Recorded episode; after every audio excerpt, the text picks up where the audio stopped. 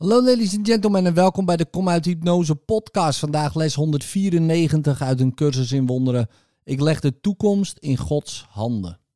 Het idee van vandaag zet opnieuw een stap naar een snelle verlossing. En het is zonder meer een reuzenstap. Zo groot is de afstand die hij overbrugt dat hij je vlak voor de hemel neerzet. Met het doel in zicht en de belemmeringen achter je.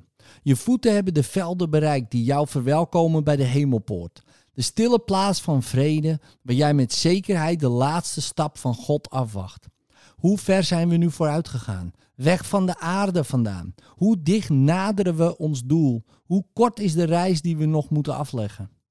Accepteer het idee van vandaag en jij hebt alle angst, alle afgronden van de hel, alle zwarte neerslachtigheid, gedachten aan zonde en de verwoesting teweeggebracht door schuld achter je gelaten. Accepteer het idee van vandaag en jij hebt de wereld van alle gevangenschap bevrijd door de zware ketens die de deur naar de vrijheid voor haar afsloten los te maken.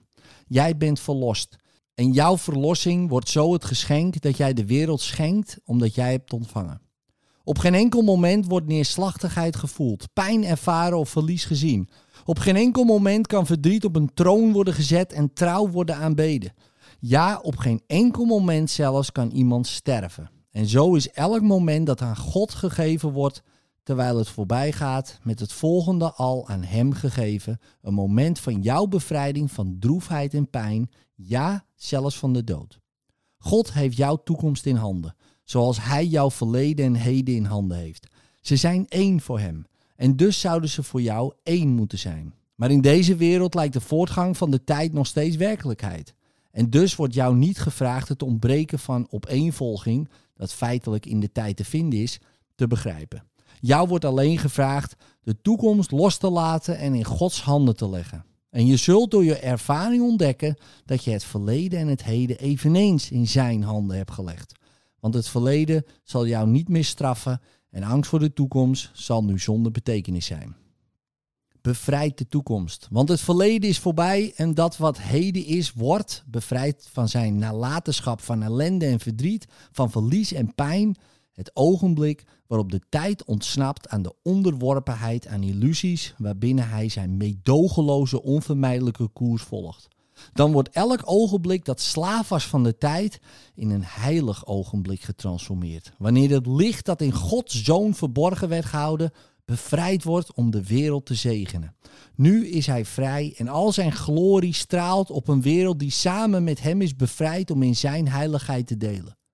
Als je de les voor vandaag kunt zien als de bevrijding die ze werkelijk is, zul jij niet aarzelen om je zo consequent mogelijk in te zetten om die tot een deel van jou te maken. Naarmate ze de heersende gedachte in je denkgeest wordt, een gewoonte in jouw probleemoplossend repertoire, een manier om snel op verleidingen te reageren, breid je tot de wereld uit wat jij hebt geleerd. En wanneer jij in alles verlossing liet zien, zal de wereld zien dat ze is verlost. Welke zorg kan hem overvallen die zijn toekomst in Gods liefdevolle handen legt? Waaraan kan hij lijden? Wat kan hem pijn doen of een ervaring van verlies bezorgen? Wat kan hij vrezen? En wat kan hij anders dan met liefde bezien?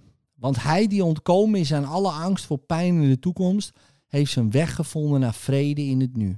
En heeft de zekerheid gevonden dat er voor hem wordt gezorgd. Een zekerheid die nooit door de wereld kan worden bedreigd.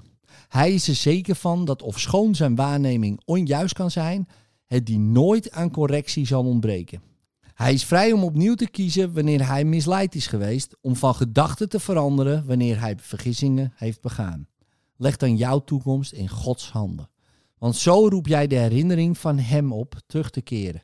En al je gedachten over zonde en kwaad te vervangen door de waarheid van de liefde. Denk je dat de wereld daar niet bij zou winnen en ieder levend schepsel niet zou reageren met een genezen waarneming? Wie zich aan God toevertrouwt, heeft ook de wereld in die handen gelegd waartoe hij zichzelf voor troost en veiligheid heeft gewend. Hij legt de ziekelijke illusies van de wereld samen met de zijne terzijde en biedt beide vrede aan. Nu zijn we daadwerkelijk verlost, want in Gods handen rusten we onverstoorbaar, er zeker van dat alleen het goede tot ons komen kan. Als we het vergeten, zullen we zachtjes worden gerustgesteld. Als we een niet vergevende gedachte accepteren, zal die snel door de weerspiegeling van de liefde worden vervangen. En als we in de verleiding komen aan te vallen, zullen we een beroep doen op Hem die waakt over onze rust, om voor ons de keuze te maken die de verleiding ver achter zich laat. De wereld is niet meer onze vijand, want we hebben ervoor gekozen haar vriend te zijn. In liefde. Tot morgen.